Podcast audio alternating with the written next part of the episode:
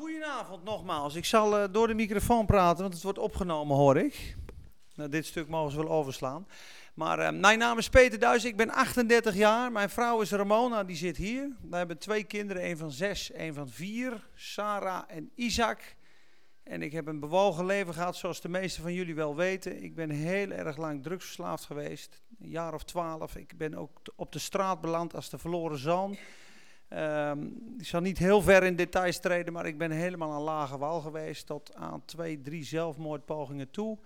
Toen ben ik ehm, ja, door een wonder eigenlijk weer thuisgekomen en uh, uiteindelijk ben ik tot geloof gekomen in 2002. In 2004 ben ik naar bijbelschool gegaan. En langzamerhand ben ik sterker geworden en gaan groeien. En sinds 2013 ben ik twee tot drie dagen per week bezig met het evangelie werk ik daarnaast gewoon nog op de markt. En uh, als koekboer, dus ik kan aardig schreeuwen op de markt. En uh, nou, ik heb een ontzettende passie voor de Bijbel en uh, voor de dingen van God. En als je zo naar het dorp kijkt, dan denk je, dus, er gebeurt heel veel. En nou ja, mijn gave is onderwijs. En dan wil je gewoon mensen daarmee dienen. En dat is twee jaar geleden gebeurd in de Bron. En toen zijn we naar de K van Amerongen gegaan. En nou ja, het is het is hartstikke fijn geweest. En uh, ik heb het gedaan omdat ik vroeger ook altijd bijbelstudies kreeg van een hele lieve man uit de evangeliegemeente, Hein Posma. En midden in mijn drugstijd had ik daar heel veel kracht aan. Ik ging daar woensdag heen en ik was altijd drie, vier dagen helemaal rustig. Ik viel daarna wel weer terug en zo, maar ik had daar altijd heel veel aan. En ik heb dat eigenlijk een beetje voortgezet. En uh, nou, ik hoop echt dat jullie uh, het heel mooi vinden dat je, dat je Bijbel open mag gaan. Het verlangen daarachter is uh, dat wij, het is eigenlijk begonnen met ehm, eh, een ontdekking die ik deed in de Bijbel. En ik zal een klein stukje lezen uit Colossense 2. En daar staat namelijk een, een geheim. En daar staat eigenlijk dat Paulus continu ergens voor streed, ingebed. En dan begin ik maar in Colossense 1, vers 28. Dat is Johannes Evangelie, lieverd. Hier uh, leven zegt. Colossense 1, vers 28, zijn we daar allemaal? Ja, en dan lees ik een paar versen tot hoofdstuk 2. En dan zet ik deze ook aan.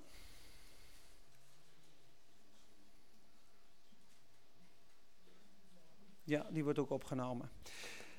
En daar zegt Paulus, wij verkondigen Jezus, hem verkondigen wij, terwijl wij ieder mens terechtwijzen en ieder mens onderwijzen in alle wijsheid. Dus met wijsheid onderwijzen. Opdat wij ieder mens volmaakt zouden stellen in Christus Jezus. Een betere vertaling is volwassen.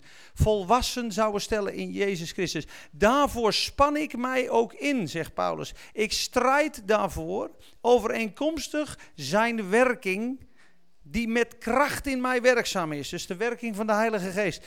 Want, zegt hij in vers, hoofdstuk 2, vers 1, ik wil dat u weet hoe groot de strijd is die ik voer voor u en voor hen die in Laodicea zijn. Had een zware strijd, Paulus. Alzo ook voor de velen die mij nog nooit in levende lijven hebben gezien. Wat was het doel en het verlangen van Paulus? Opdat hun harten bemoedigd mogen worden en samengevoegd in de liefde, zij samen tot de volle rijkdom en de volle zekerheid van het inzicht mogen komen om het geheimenis te leren kennen van God en van de Vader en van Christus, in wie al de schatten van de wijsheid en de kennis verborgen zijn. Dus Paulus zegt hier, ik onderwijs mensen. Ik wil dat ze volwassen worden in Jezus Christus. Ik strijd me daar, uh, span me daarvoor in. Ik strijd met grote kracht. Ik bid daar dagelijks voor. Opdat de harten van de gelovigen bemoedigd mogen worden, vertroost mogen worden, samengevoegd in de liefde. Dus dat is die familie. En dan komen ze tot het inzicht, het volle inzicht, de volle zekerheid van het plan van God, van het mysterie van God. Welke is Christus? Dus dat was hun doel. En dat las ik. En op een gegeven moment dacht ik, je ziet natuurlijk Spakenburg, je ziet heel veel verschillende stromingen. Maar wij zijn één. We zijn één familie. Dus ik las toen een keer, weet je hoe mensen één worden? Las ik in een boek.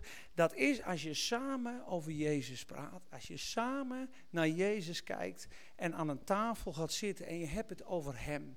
Het eten eigenlijk van Jezus, dat klinkt een beetje raar, hè? het eten van Jezus. Maar Jezus zegt zelf, wie mijn vlees eet en mijn bloed drinkt, die heeft deel aan mij. He, proef dat de Heer goed is, zegt de Bijbel. Maar je proeft zijn liefde. Maar op het moment dat wij samen kijken naar Jezus, gebeurt er een wonder. Want we houden allemaal van Jezus. We hebben allemaal, iedereen die hier is, heeft een passie voor Jezus en het woord. Anders was je hier niet. Je wil meer kennen van God. En dat hebben we allemaal. Maar de een zal zich meer focussen op dat gedeelte van de Bijbel. Vanavond zullen we zien de verschillende kanten van de Heer Jezus dat hij dat tempelplein leegveegt. Dat hij spijkerhard tegen die fariseeën optreedt in Matthäus 23. Dat hij ontzettend vol barmhartigheid is. Dat hij bij een zondaar naar binnen gaat. Volgende week hebben we het over zijn bediening. Als je ziet, volgende week, moet je echt komen. Door die evangelie heen, wat er gebeurde met het leven van Jezus en zijn bediening. Hele steden op zijn kop. Vanuit Judea, 200 kilometer verder, kwamen ze volgen. Vijf, vijf dagen lopen was dat. Grote menigte verzamelde zich om hem heen. Er staat zelfs, zullen we straks zien, zij doken op hem. Daarom zegt hij op een gegeven moment, geef me maar een boot. Want de menigte dook op Jezus om hem aan te raken. Want ieder die hem aanraakte werd gezond. En, en de een ziet de, de timmerman, de ander ziet de voetenwasser en die ziet dat aspect van Jezus. En als we die uh, helikopterview kunnen hebben, om niet alleen te zeggen, nou ik zie die Jezus en dat is de Jezus die er is en jij bent blind, ja dan gaat het niet goed. Maar als je kan zeggen, luister, dit is het deel van Jezus wat ik zie en jij ziet dit, dan zien we allemaal van alle kanten die mooie diamant. En daarom gaan we ook dit seizoen Gaat volgende keer beginnen, ga ik kaartjes maken. Iedereen, je hoeft niet mee te doen als je niet wil, maar iedereen krijgt een opdracht om een gedeelte uit de Bijbel te bestuderen. En de laatste zes lessen, dat is volgend jaar, krijgen we drie keer een kwartier voor de pauze, drie keer een kwartier na de pauze. Hebben we dus 36 mensen die in een kwartier hier gaan staan. En laten we zeggen, Volkert krijgt Colossense volgende keer. Volkert gaat thuis, Colossense bestuderen. Hij bidt daarover, hij leest er een commentaar over. Hij vraagt God, Heer, wat wilt u nou zeggen met Colossense? Colossense is Christus, is het hoofd. Nou, dan gaat hij daar staan en dan gaan we van het horen hoe Colossense is. En die doet dat en die doet dat. En zo zul je zien dat we straks allemaal een stukje hebben van de grote puzzel. Nou, dat heb jij wel eens op Facebook gezet, hè? Kan ik dat delen? Zal ik dat eens delen? Mijn vrouw vroeg een keer van, hoe komt dat nou dat er zoveel verdeeldheid is? Waar ligt dat nou aan? En waarom is iedereen zo sterk overtuigd van zijn eigen gelijk? Want ze hebben ook gelijk. En toen kreeg ze het beeld van een puzzel. En een puzzel, een heel mooi landschap. En alle puzzelstukjes waren verdeeld. En de een zei, ja, nou ja, mijn stukje is gewoon lichtblauw hoor. Ik weet, ik weet niet waar jij het over hebt. En de ander zei, ja, maar die van mij is bruin. Die van mij is geel. Dus alle gele gingen bij elkaar, want die zeiden, ja, wij zijn geel. En alle lichtblauwe en alle bruine. En toen zei God, nou, dat zijn alle groepjes. Maar ze zien niet dat ze samen een mooi landschap zijn. En dat is een beetje de droom van samen door de Bijbel. Dat wij samen door de Bijbel. Kun je het ook doen, hè? Samen door de Bijbel. We gaan samen door de Bijbel in, maar we zijn samen door de Bijbel. Want de Bijbel bindt ons. De Heer Jezus bindt ons. Snap je? Dat is de visie erachter. Um, kan je eventjes heel kort de website laten zien? Ja, kijk eens, dit heeft Andries gemaakt. Andries Ruizendaal. Ik weet niet of hij er is, ik denk het niet. Hij kon niet komen, zei hij misschien iets later. Heel mooi gemaakt. Um, als je daar rechtsbovenin gaat, even terug, dan kan je. Oh, van naar boven. Ja. En dan die, eh, die streepjes rechtsbovenin. Ja, daar kun je dus kijken. Hier staat nu, is het nog een beetje karig. Hij moet nog helemaal ingevuld worden. Maar samen door de Bijbel, dan kun je uh, de ondersteuning zien, de bediening zien. De artikelen staan erop. Bijvoorbeeld uh, sleutels voor de Bijbel, hoe je Bijbel te lezen. De onderwerpen van het Nieuwe Testament. Is echt heel rijk, hè? Als je dus weet wat het onderwerp van een Bijbelboek is, heb je al 50% geïnterpreteerd. Hebreeën bijvoorbeeld is progress unto holiness. Doorgaan tot heiligheid. Vastgrijpen van, de, uh, van het land. Daarom staat altijd met volharding. Als je gaat zien hoe Hebreeën geschreven is, snap je, alle moeilijke vragen in Hebreeën als je het onderwerp weet. Het is heiligmaking, Hebreeën. Jaag dan de heiligheid na. Nou, zo heeft ieder Bijbelboek een sleutel. Die heb ik er ook op gezet. En alle lessen gaan hierop komen. Uh, alle uh, opnames die gaan erop komen. Dus het is handig om, uh, om terug te vinden en terug te zoeken. Nou ja, dat is in ieder geval wat, wat we nu hebben. En ik denk dat we de avond gaan beginnen, want het is nu wel duidelijk. Dit is goed. Ja. Oh ja, de kosten. ik heb ehm, een boek langs laten gaan. Iedereen zijn naam en zijn telefoonnummer en zijn e-mail. Dat gaat langs. Er zijn al mensen die hebben uh, betaald. Als je nou zegt van ik heb vandaag contant meegenomen en je wil de, uh, de cursus volgen, want sommige mensen zijn eventjes aan het aan pootje baaien, dat is allemaal prima. Dat mag ook twee of drie keer, dat maakt ook helemaal niet uit. En er zijn ook mensen die, die, nou ja, die, die kunnen dat misschien minder betalen. Dat is allemaal geen probleem.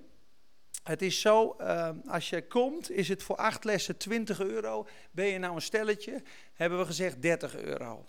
Nou, wil je alle lessen volgen, 22, er is één iemand die heeft dat al gedaan. Dat is een hele jonge, leergierige, hongerige leerling. Die zei, uh, ik doe gelijk 22 lessen, nou daar hou ik van. Dat is, uh, dat is 50 euro. Nou, dat is gewoon puur voor de onkosten. En dan doen we vandaag nog een collecte. Uh, dat zal Wouter straks doen, omdat Rosalie op dit moment in Lesbos is, in Griekenland. Tweeënhalve week om daar vluchtelingen op te vangen. Ja, en voor de rest, dat, dat gaan we de volgende keer doen, hoe, ik, uh, uh, hoe de maandelijkse ondersteuning zou kunnen werken. Als je zegt van nou, ik wil uh, 5 of 10 euro per maand ondersteunen um, om, om de bediening vrij te zetten, dat, dat kan. Maar daar gaan we nu niet verder op in, dat komt wel. Goed, dan gaan we nu de avond beginnen. Duidelijk? Nog vragen? Oké. Dan gaan we van start. Even de microfoon erin. Een hele mooie standaard. Zo. Goed. Nou, dit is. Uh, ik laat dit uh, volgende keer staan. Dit staat ook gewoon op de site. Um, mocht je nou zeggen, ik heb een zaak of ik wil uh, ondersteunen, ik vind het mooi wat je doet, ik zie de website en uh, ik wil geven, dan kan dat ook via grote, het grote visnet in, in Volendam. Dat is Ambi. Dat is een status, daar kan je aftrekken, belastingvoordeel. En anders kan je rechtstreeks geven via het schenkingsrecht. Nou, deze sla ik vanavond even over, want die staat ook op de site. De sleutels voor de Bijbel anders komen we in tijdnood met het onderwerp. Uh, Psalm 119, vers 18, die kunnen we er wel even ingeven. Dat kunnen we allemaal bidden.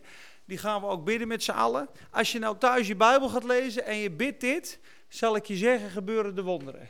Psalm 119, vers 18 zegt: Ontdek mijn ogen, haal de sluiers van mijn ogen af, opdat ik de wonderen van uw woord mag aanschouwen. Zullen we dat allemaal hardop bidden? Heren, Ontdek mijn ogen, opdat ik de wonderen van uw wet, van uw woord, mag aanschouwen. Dank u wel, Heer. Amen. En er gebeurt een wonder als je het bidt, want de Heer haalt de bedekking weg en je zal zien dat je Bijbel open gaat. Je bent aan het lezen, je denkt, nou, dit heb ik nog nooit gezien. Fantastisch gewoon. Dus dat zijn sleutels. Nou, voor de mensen die nieuw zijn, of die nog niet zoveel van de Bijbel weten, want ik spreek ook wel eens uh, islamitische mensen, en die zeggen van, ja, uh, nou ja, ik uh, geloof in de Koran, en ik denk, nou ja, er zit vanavond van alles. Waarom de Bijbel? waarom geloven wij in de Bijbel en waarom geloven wij over Jezus? in Jezus. Het allergrootste bewijs dat de Bijbel het ware enigste ware woord van God is, is de vervulde profetieën. Dat zijn de vervulde profetieën. Er staan in het Nieuwe Testament 90 keer staat er op dat vervuld zou worden wat gesproken was. Ik heb één voorbeeld genomen uit Jeremia. Uh, Jeremia zegt in 31 vers 15, dat is ongeveer, uh, ik meen 900 jaar voordat dit gebeurt. Ja, zegt hij, er is een stem in de Rama gehoord. Rachel huilt vanwege haar kinderen en ze wil niet getroost worden. Dat werd 900 jaar tevoren opgeschreven. Maar in de tijd van Herodes wordt dat vervuld. Herodes wist dat Jezus geboren werd in Bethlehem en uh, uh, was belazen door de magiërs. Er staat als Herodes ziet dat hij door de magiërs als een kleine jongen is behandeld, is de Naardense vertaling, wordt hij verschrikkelijk boos en zendt hij lieden uit om alle jongens in Bethlehem en al haar gebieden weg te nemen, van twee jaar en daaronder, overeenkomstig de tijd die hij nauwkeurig heeft nagevraagd bij de magiërs. Dan gaat in vervulling wat is gesproken door de profeet Jeremia. Als hij zegt, een stem is te horen in Rama, een weeklacht en bitter geween. Rachel die weent over haar kinderen en zich geen troost wil laten toeroepen omdat zij er niet meer zijn. Dus Rachel is een moeder in Bethlehem wiens zoontjes vermoord zijn. En die stem, die huilende stem, heeft Jeremia al gehoord en dat schrijft hij op. En zo ook met het offer van Jezus. En daarom gaan we beginnen. Rama is een plaats. Ja. Ja. Maar dat zal een gedeelte zijn of daar omheen, hè? de streek eromheen. Kijk, er staat op. Ja, in al haar gebieden, zie je dat? Jongens in Bethlehem in al haar gebieden. Maar nog zo'n mooi voorbeeld is Psalm 22 en daar beginnen we ook de avond mee. Psalm 22 is in het Oude Testament.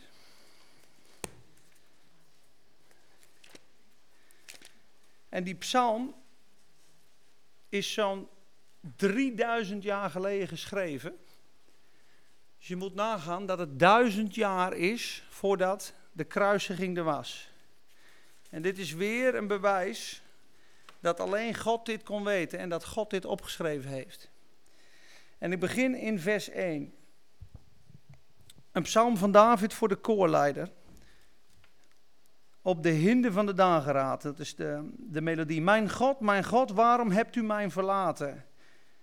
U bent ver van mijn verlossing van de woorden van mijn jammerklacht. Mijn God, ik roep overdag, maar u antwoordt niet. En s'nachts, maar ik vind geen stilte. Spring ik naar vers 15. Ja, mijn God, mijn God, waarom heeft u mij verlaten? Dat riep Jezus aan het kruis. En hij zei, mijn God, mijn God, terwijl hij altijd Jezus zijn vader genoemd had voor die tijd. Op dat moment was hij in de Godverlatenheid. Jezus heeft nog nooit gezegd, mijn God. Hij zei altijd vader, heilige vader, rechtvaardige vader. Op het moment dat hij verlaten werd door zijn vader, zei hij, mijn God, mijn God, waarom heeft u mij verlaten? Staat al in deze psalm. Vers 15, als water ben ik uitgestort, ontwricht zijn al mijn beenderen. Mijn hart is als was, het is gesmolten diep in mijn binnenste. Mijn kracht is verdroogd als een potscherf. Mijn tong kleeft aan mijn gehemelte. U legt mij in het stof van de dood.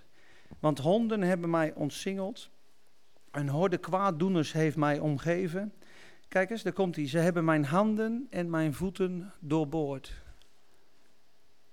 Mijn handen en mijn voeten doorboord.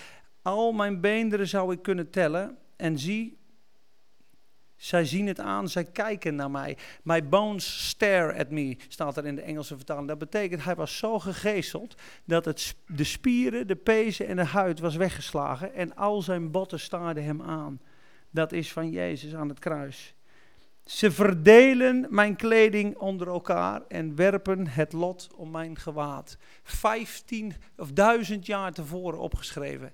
Waarom staat dat hier? Jezus had een heel uniek kleed, geweven van bovenaf uit één stuk. De soldaten wilden dat kleed verdelen, zei dat is zonde. Dat is een uniek kleed, daar gaan we over dobbelen.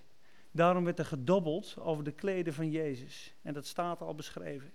Hoe diep is het woord? Hoe bewijs dat wat God gesproken heeft in het verleden uitkomt in latere tijd. En zo kan ik tal van links leggen van het oude naar het nieuwe. Wat bewijst dat de Bijbel waarachtig is. Het betrouwbare woord van God. En waar je vindt dat Jezus de Zoon van God is. En naast hem is geen andere God. Dit is het eeuwige leven, hem te kennen. En, uh, en Jezus Christus die hij gezonden heeft. Dat is de enigste en de waarachtige God. Als je dan Jehovah getuige tegenkomt, 1 Johannes 5 vers 20. We weten dat de Zoon van God gekomen is en heeft ons verstand gegeven om de rechtvaardige te kennen. En wij zijn in de rechtvaardige, ja, wij zijn in zijn Zoon. Dit is de enige God de enige waarachtige God en het eeuwige leven. Dan zegt de Bijbel, Jezus is de enigste waarachtige God en het eeuwige leven. Dus hij is God. De Jehovah zeggen Jezus is geen God, dat is een koning. Leren jullie wat?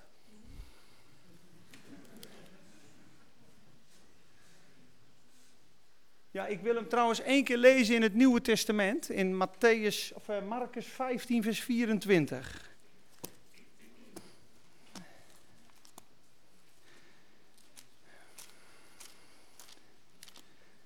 Ik ga een hoop bladeren, dat is niet elke les. Maar dit is heel uniek. Ik begin maar gewoon te lezen. En zij, eh, vers 21 begin ik. Zij dwongen een voorbijganger, Simon van Cyrene, die van de akker kwam, de vader van Alexander en Rufus, dat hij zijn kruis droeg. En zij brachten hem naar de, naar de plaats Golgotha.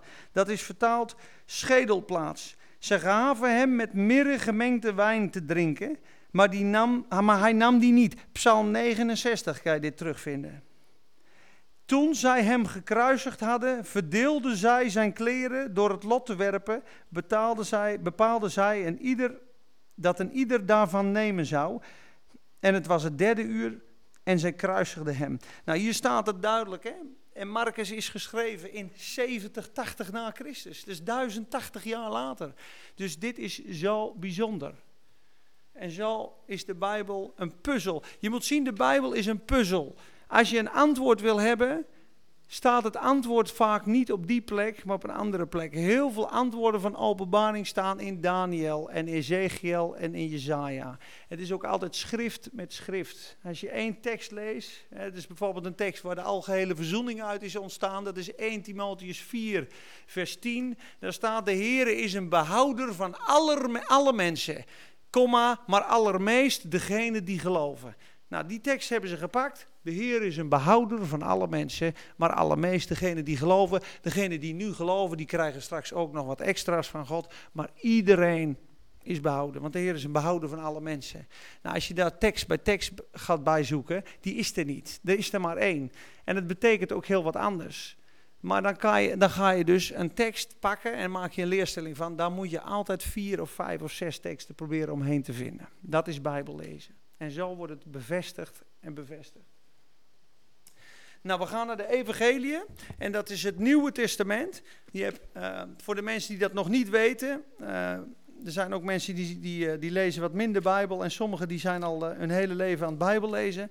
De indeling is het Oude Testament. En dan heb je eerst de vijf boeken, de Torah. Dan krijg je de, op een gegeven moment de psalmen, je krijgt de profeten. En dan krijg je de evangelie in het Nieuwe Testament. Dat is Matthäus, Marcus, Lucas en Johannes. Dat zijn de beschrijvingen van Jezus, zijn aardse wandel, door mensen die heel nauw met hem waren. Bijvoorbeeld Marcus is gedicteerd door En dan Lucas was een dokter die dichtbij hem was. Matthäus was een tollenaar. Johannes was de discipel die hem lief had. En die vier beschrijven Jezus' aardse wandel. Dan krijg je een soort ruggengraat. Dat is het boek Handelingen. Die verbindt de evangelie met de brieven. Handelingen is een periode dat de kerk ontstaan werd, dat de Heilige Geest uitgestort werd, dat Jezus was gestorven voor onze zonde, is, heeft ze in de dood gebracht, is opgestaan en heeft na tien dagen de Heilige Geest gestuurd, nadat, zij, nadat hij opgevaren was. En toen is eigenlijk Jezus in de mensen komen wonen, Christus in u. En ze begonnen te preken en de kerk ontstond, de bruid begon. En toen begonnen eh, handelingen. Daarna zijn de brieven van Paulus gekomen om de gemeente op te bouwen. Beginnende bij Romeinen, eindigen bij Judas. En dat, is, dat noemen ze de, de development, de, uh, de voortgang. Het boek Openbaring is weer de kroon op alles. Het allerlaatste boek Openbaring is eigenlijk de eindconclusie van de hele Bijbel. Is eigenlijk dan ben je gearriveerd. Als je dat uh, uh, bestudeert, dan is het hetzelfde, zeggen ze dan, laten we zeggen, je bent op, op reis en uh, je, je, zoekt een camping in Zuid-Frankrijk en je kan hem niet vinden. En je bent 26 keer verkeerd gereden en uiteindelijk kom je op die camping aan, dan zeg je, zie je, hier gingen we scheef, daar gingen we scheef, dit was de weg geweest, het eindpunt staat vast. Nou, zo zeggen ze, als je het boek Openbaring goed zou kennen en bestuderen, zou je hele Bijbel op zijn plek vallen. Want alles komt eigenlijk samen in die grote stad, in dat nieuwe Jeruzalem. Dus daarom is het ook een moeilijk boek en uh, sommige mensen leggen het aan de zijkant. Wie weet gaan we het ooit nog een keer bestuderen, maar uh, dat, uh, ja, dat, is nog wel, dat is nog wel wat. Oké, dus we gaan nu in de evangelie gaan we kijken naar de persoon van de Heer Jezus. En ze vertellen van Jezus elke, allemaal een andere kant. Matthäus vertelt, Jezus is koning. Dus die heeft een koninklijk register en toont hem als een koning. Marcus toont hem als een dienstknecht. Je ziet in Jezus is constant aan dienen in Marcus. In Lucas wordt hij zijn menselijke kant beschreven de mensenzoon. Heel vaak staat er de mensenzoon. En in Johannes wordt hij als God getoond. Daarom vallen ze hem ook aan. Hè? Als hij zegt, eer Abraham was, ik ben, zegt hij. Toen hij dat zei, pakten ze stenen en wilden hem stenigen. Want hij zei, u maakt zich aan God gelijk. En hij zegt, ik ben de, het leven. Ik ben de weg en de waarheid. Johannes 18, in die tuin. We zoeken Jezus van Nazareth. Ik ben, zegt hij dan. Vallen ze toch allemaal plat? Ze vallen allemaal achterover omdat God, God dan gemanifesteerd wordt. Ik geef je een heel mooi voorbeeld, maak gewoon even een sprongetje. Johannes 8. Moet je naar Johannes 8 gaan. Dat is de heerlijkheid van de Heer Jezus. Daar toont hij dat hij de God is van het oude verbond. Dat hij één is met de Vader. Dat Jezus is God zelf.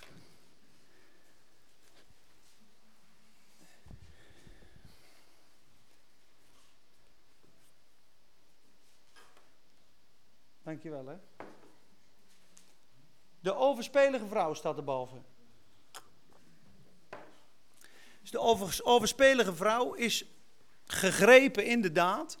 Zij was in overspel. Het is altijd leuk dat degene uh, waarmee ze overspel pleegde er niet bij was dat doe je met z'n tweeën. Dus heel, heel veel mensen zeggen dat was een fariseer. Maar dat wouden, ze niet, eh, dat wouden ze niet laten weten. Maar dat is misschien speculatie. Maar het is raar dat de man er niet bij is.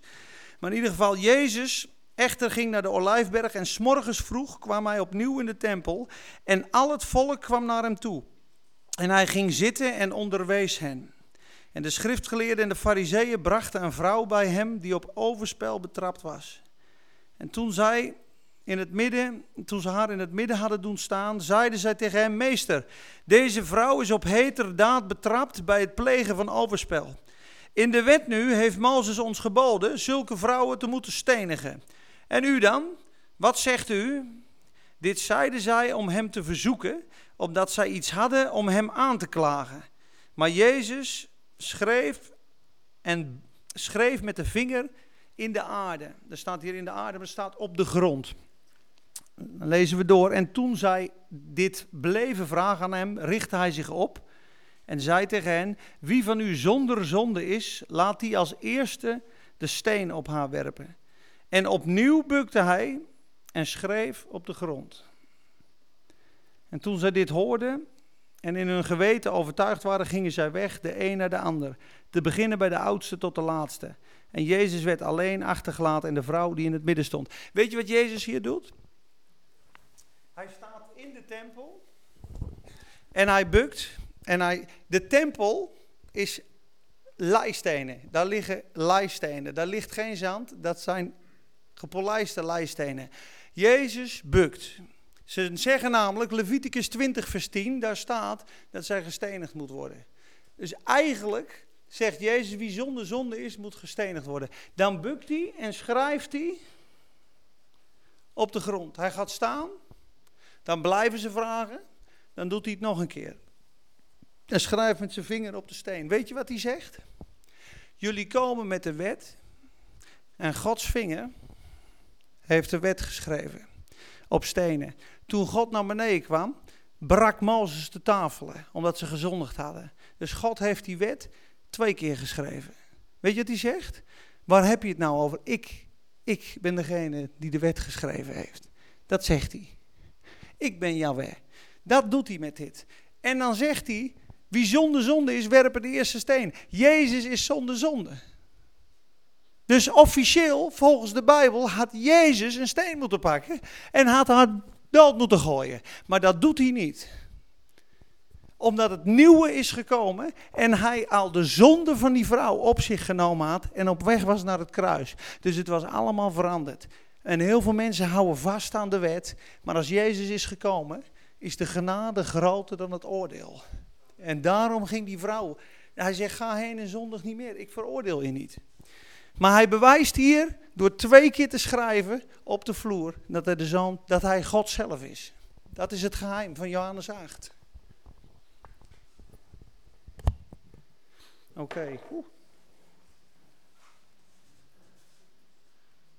Hoeveel tijd hebben we nog? Ja, een kwartier tot aan de pauze. Dus dan doe ik uh, Matthäus en Marcus zullen behandelen. En dan gaan we lekker om negen uur een bakje doen. En dan kwart over negen beginnen we weer en doen we het tweede deel, ja? Anders wordt het een beetje te veel informatie. We gaan naar Matthäus 8. De heerlijkheid van Jezus.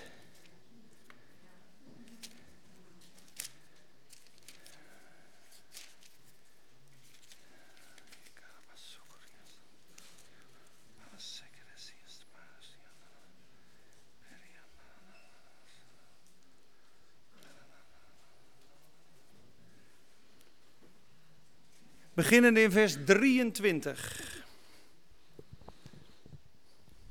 Kun je het een beetje bijhouden met, uh, met de teksten? Ja? Vers 23. En toen hij aan boord van het schip gegaan was, volgden zijn discipelen hem. En zie, er ontstond een grote onstuimigheid in de zee, zodat het schip door de golven bedekt werd. Maar Jezus sliep.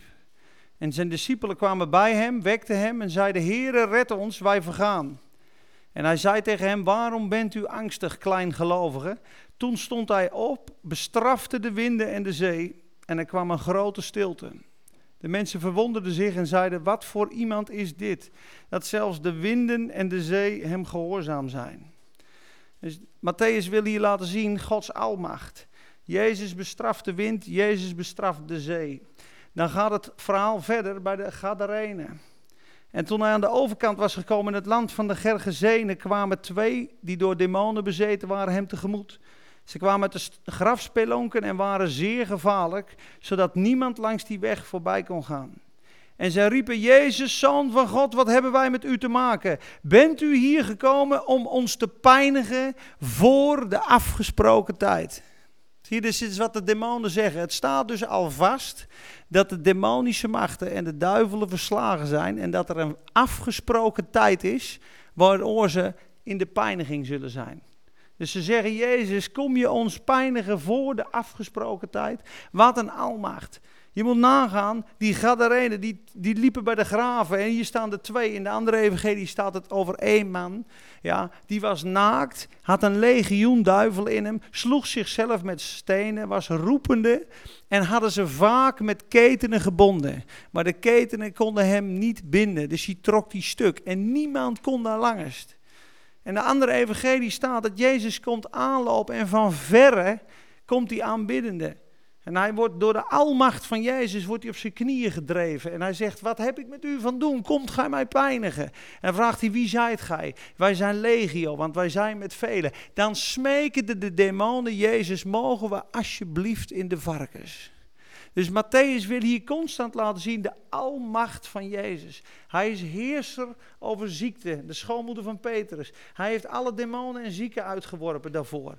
Daarna gaat hij de wind bestraffen. Het volgende verhaal is, hij heeft almacht over demonen, hij heeft de almacht over de wind, hij heeft de almacht over alles. Hij is de koning van ziektes, hij is de koning van het duivelse rijk, hij is de koning van de wind en de zee. Hij is almachtig.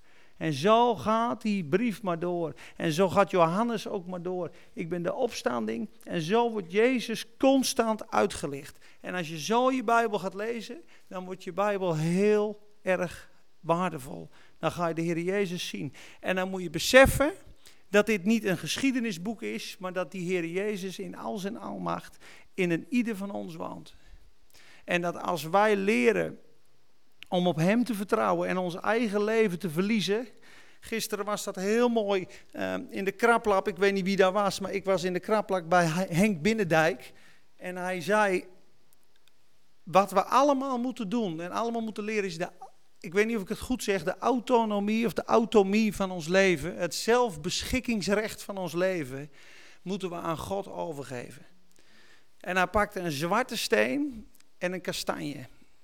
En dan zei ze lijken heel veel op elkaar. Als je die kastanje in de grond doet, dan denk je, wat een kastanje, wat, waar slaat het op? Hier zit een boom in, een grote kastanjeboom van 10 meter hoog. Als die groeit en je zou die kastanjes van die boom in de grond plaatsen, dan zou je een bos hebben wat heel Spakenburg overdekt. Dat zit in deze kleine kastanje. En dat zaad van het koninkrijk is de Heer Jezus in ons. En die groeit als een boom. Maar als je nooit een kastanje bent en je bent een zwarte steen. Je bent heel godsdienstig, zei hij. Ik was, uh, ik was, uh, ik gaf. Ik ging twee keer naar de kerk. Ik deed alles perfect godsdienstig. Totdat ik erachter kwam dat ik nog nooit mijn eigen overgegeven had. Hier is mijn leven, Heer Jezus. En wat had hij er een moeite mee? Toen hij die stap gemaakt had, is de kastanje in hem gaan groeien. En de Bijbel zegt, is een van de mooiste versen voor mij, Lucas 6, vers 40. Ja, schrijf maar eens op. Iedere discipel die volwassen geworden is, die volgroeid is, zal net zo zijn als zijn meester. Dus ga nou niet zeggen, dat was Jezus. Jezus woont in jou. En Jezus groeit in jou. En voor wie gelooft zijn alle dingen mogelijk. Zoals Jozua de zon deed stilstaan en Elia wonderen deed en Mozes zijn staf uitstrekte en Paulus wonderen deed en Stefanus wonderen deed, is voor allemaal iedereen die hier zit, door de kracht van de Heilige Geest en het geloof wat God schenkt, alles mogelijk.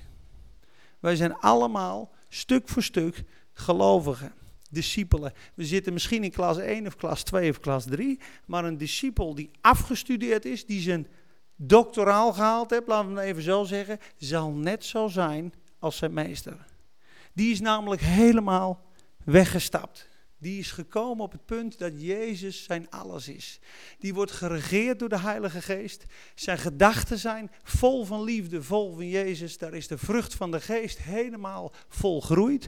Daar is het geloof krachtig, daar is de vrijmoedigheid. Dat zie je ook bij Petrus. Die angstige Petrus met die grote mond, die vloekend en tierend Jezus verloochend staat voor het Sanhedrin, heel vrijmoedig in handelingen. En die zegt, wat zeg het maar, moet ik dan naar jullie luisteren of naar God? Hij was zijn angst kwijt. Die Petrus, die liep langest Lees maar Handelingen 5. Waar Petrus ook liep, daar legden ze de zieken in beddekens op de straten. En als Petrus langs liep en zijn schaduw viel op hen, waren zij gezond. Daar was een visserman met twee tanden uit zijn mond, laten we zeggen. Een grote mond, praatjes, praatjes, handje de voorste heeft een paar goede berispingen van de Heer Jezus gehad. Zijn oor eraf gehakt bij Malchus. Dat was me er nog alleen. Maar diezelfde Petrus was een apostel met de Heilige Geest op hem, die bij de tempel zei: Zilver en goud heb ik niet, maar wat ik heb, dat geef ik u. Wat had hij? Wat had hij? Wat hij, gaat? hij had de Heilige Geest en de kracht van de Heilige Geest. In de naam van Jezus de Nazareër sta op en wandel. En ga niet zeggen, dat was toen, dat was Petrus. Je bent net als Petrus. En dat kan je lezen in Jacobus 5. Wij zijn, Elia was een mens met gelijke bewegingen zoals wij. Maar hij bad een gebed dat het 3,5 jaar niet zou regenen en het regende 3,5 jaar niet. Het gebed van een rechtvaardige vermag veel doordat er kracht aan verleend wordt. En als je het verhaal bestudeert, Elia hoorde de ruisende regen, 1 Koningen 18. Hij had het woord van God en de belofte van God. En hij zag een klein wolkje na zeven keer bidden. Zeven keer is hij die berg op geweest om te bidden. Aanhoudend gebed. Terwijl hij wist, God had het beloofd. Terwijl hij hoorde in de geest de ruisende regenstromen komen eraan. Toch moest hij het gestand doen, bidden in zeven keer. En het is een man met gelijke bewegingen zoals wij, want de volgende dag lag hij onder een struik. Laat mij maar sterven, Izebel zit achter me aan. En dat is.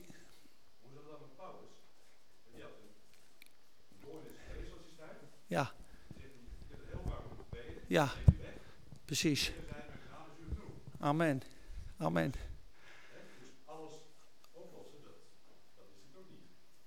Dat zou u zeggen. Ja, nee, Paulus is natuurlijk iemand, eh, er staat heel duidelijk achter, waarom had Paulus de doren? Weet je dat? Nou, er staat achter, mij is gegeven een doren, dus niet, hij werd niet aangevallen, hij is gegeven door God, van de tal van openbaringen die mij gegeven is, opdat ik mij niet al te zeer verheffen zou. Met andere woorden, hij wist zoveel, Paulus had rechtstreeks van God ontvangen de openbaring voor het Nieuwe Testament. Dat de kans dat hij naast zijn schoenen ging lopen en hoogmoedig zou worden, was zeer sterk aanwezig. Dus God zei: Paulus, ik sta toe dat jij geslagen wordt door een engel des Satans met vuisten. En dat deed God. En toen zei Paulus: Ik, ik word geslagen met een engel des Satans. Heren, hij heeft drie keer gebeden mag ik dit weghalen? En toen zei God, nee, want mijn kracht wordt geopenbaard in zwakheid. Ik moet jou klein houden, ik moet jou zwak houden. Dus dat is een heel specifiek geval voor Paulus zelf. Snap je? Paulus laat bijvoorbeeld ook uh, achter op een gegeven moment op een eiland Malta. Maar als je daar het geheim van weet, Malta betekent uh, puurheid. Dat was iemand, dat God kan tijdelijk ziekte toestaan bij je. Als je linksaf gaat en God zegt rechtsaf en hij roept je jaren, jaren. En dan kan je aandacht niet trekken. Je financiën gaan moeilijk. Uh, er is veel onrust om je heen, maar je negeert Gods stem. Dan kan het zijn dat God zegt nee, nu laat ik je even los. En dan kan je aan het einde van jezelf gebracht worden door een ziekte. Nou, dan kan je op dat moment inderdaad bidden tot je een ons weegt. Want dan heeft God zijn doel niet bereikt met die ziekte. Maar op het moment dat je in de wil van God bent en je bekeert je. Ja, is mijn overtuiging en de belofte van de Heer. Jacobus 5, indien hij zonde gedaan hebt, ze zullen hem vergeven worden. En de Heer zal de zieke oprichten. Dat is hoe ik het lees. Maar er zijn, met Paulus is absoluut een specifiek geval voor een apostel die de hele openbaring van het Nieuwe Testament gekregen had. En dat, dat was er maar één. Dus zo zie ik dat.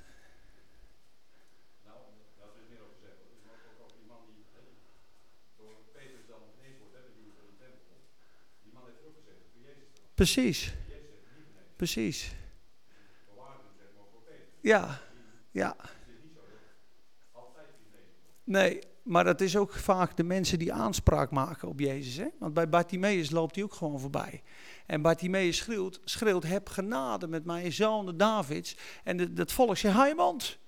En hij schreeuwde des te harder, totdat Jezus het hoorde en zei, laat hem bij mij komen. En toen gooide hij zijn bedelaarsmantel al af, want hij wist, mijn bedel is over, dus had geloof. Maar als hij zijn mond gauw had, had Jezus dus ook voorbij gelopen. En de bloedvloeiende vrouw moet Jezus dus aanraken. En er is dus het uitstrekken naar Jezus. En er is soms een tijd, er staat er Lucas 5, de kracht des Heren was al daar tegenwoordig om te genezen. Dus net als het water van Bethsaida. Dus soms zijn er tijden dat God geest uit barmhartigheid iedereen geneest. Dat kan. En soms zijn er momenten dat we ons uit moeten strekken naar Jezus. Ja, ik zelf zie niet 100% genezing, maar ik, je zal volgende week zien als je er bent bij de les. Dan staat er een keer of zes staat er, hij genas er velen. Maar er staat 33 keer en hij genas ze allemaal. En ieder die hem aanraakte werd gezond. En hij legde een ieder de handen op. Dus de bediening van Jezus zelf, zoals ik Jezus zie, dat zie ik bijvoorbeeld terug bij Paulus op het eiland Malta daar laat bijvoorbeeld de Heer de vader van Publius, die, die vader, die laat hij ziek worden. Met een doel. Het is gigantisch wonderlijk. Is, ze spoelen aan, ze hebben schipbreuk. Paulus die verzamelt daar uh, wat takken. En op een gegeven moment uh, komt er een slang tussen die takken van het vuur vandaan. En die bijt Paulus in zijn hand. En ze denken allemaal, ja zie je, dit is een vervloekte, die moet sterven. Want die is de schipbreuk, die overleefd. Dat is, die is niet goed bezalfd. Maar Paulus schudt die slang af. En, en er gebeurt niks met hem. Dus na een half uur er is geen gif in zijn arm en hij sterft. Dus ze eren hem en ze zeggen, je bent een man van God. En dan zegt hij, nee, ik ben gewoon een mens. Dan worden ze ontvangen door Publius. Maar de vader, zijn schoonvader, was zeer ziek. Handelingen 28. Drie dagen met koorts. Paulus gaat naar binnen, bidt voor die man en God geneest die man. Dan toen brachten zij alle zieken van het hele eiland Malta. En die werden allemaal gezond. Dus dat is gigantisch daar. Dus soms is het allemaal, soms is het een specifiek geval en soms in Korinthe, 1 Korinthe 11 is het een tuchtiging des Heren. Dan misbruiken ze het avondmaal, hebben ze ruzie onderling. Daarom zijn er bij u velen ziek en zwak en slapen er niet weinig. Dus er waren zelfs tuchtigingen dat mensen vroegtijdig stierven als een oordeel van God. Het aardse leven werd beëindigd. Dus er is heel veel over te zeggen. Maar je moet het zo zien, ik geloof in de algehele stelregel van God is, God wil genezen, omdat u wil geschieden zoals in de hemel als ook op, aarde. Dus de algehele generale wil van God, God wil redden, God wil genezen. Maar de specifieke wil van God is heel uniek. En dat zien we straks bijvoorbeeld ook bij Lazarus. We, dat, laten we dan maar gelijk heen gaan. Lazarus is ziek en Jezus laat hem sterven. En dat is de wil van God. Lees maar. Johannes 11. Die had ik erbij staan. Kijk, Johannes 11. De Vader eerst in alles heb ik erbij gezet. Bedankt voor je vraag.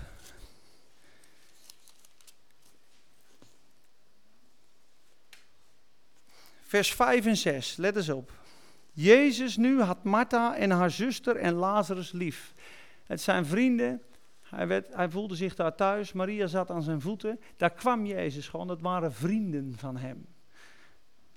Toen hij dan gehoord had dat hij ziek was, bleef hij nog twee dagen in de plaats waar hij was. Dus Martha en Maria die sturen boden naar Jezus toe. Degene die jij lief hebt is ziek. Kom en genees hem.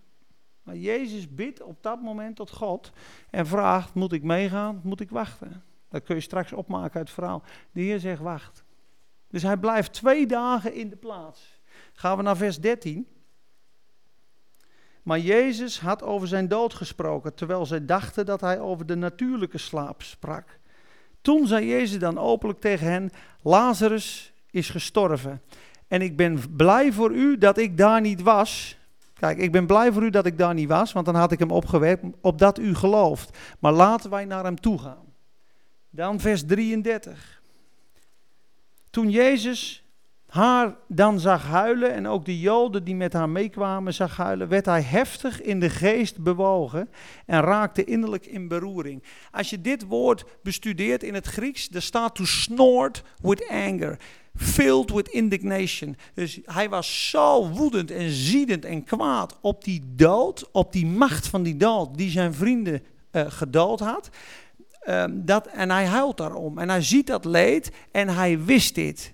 En toch zegt hij straks tegen Martha: Heb ik u niet gezegd dat als gij zoudt geloven, dat gij de heerlijkheid van God zal zien? En dan verklaart hij wat hij tegen God gezegd heeft in de tussentijd. De Joden dan zeiden, vers 36, zie hoe lief hij hem had. En sommigen van hen zeiden, kon hij die de ogen van de blinden geopend heeft ook niet maken dat deze niet gestorven was? Jezus dan opnieuw heftig bewogen in zichzelf. Er staat echt, hij was vervuld met woede en boosheid tegen die doodsmacht die zijn vriend vermoord had.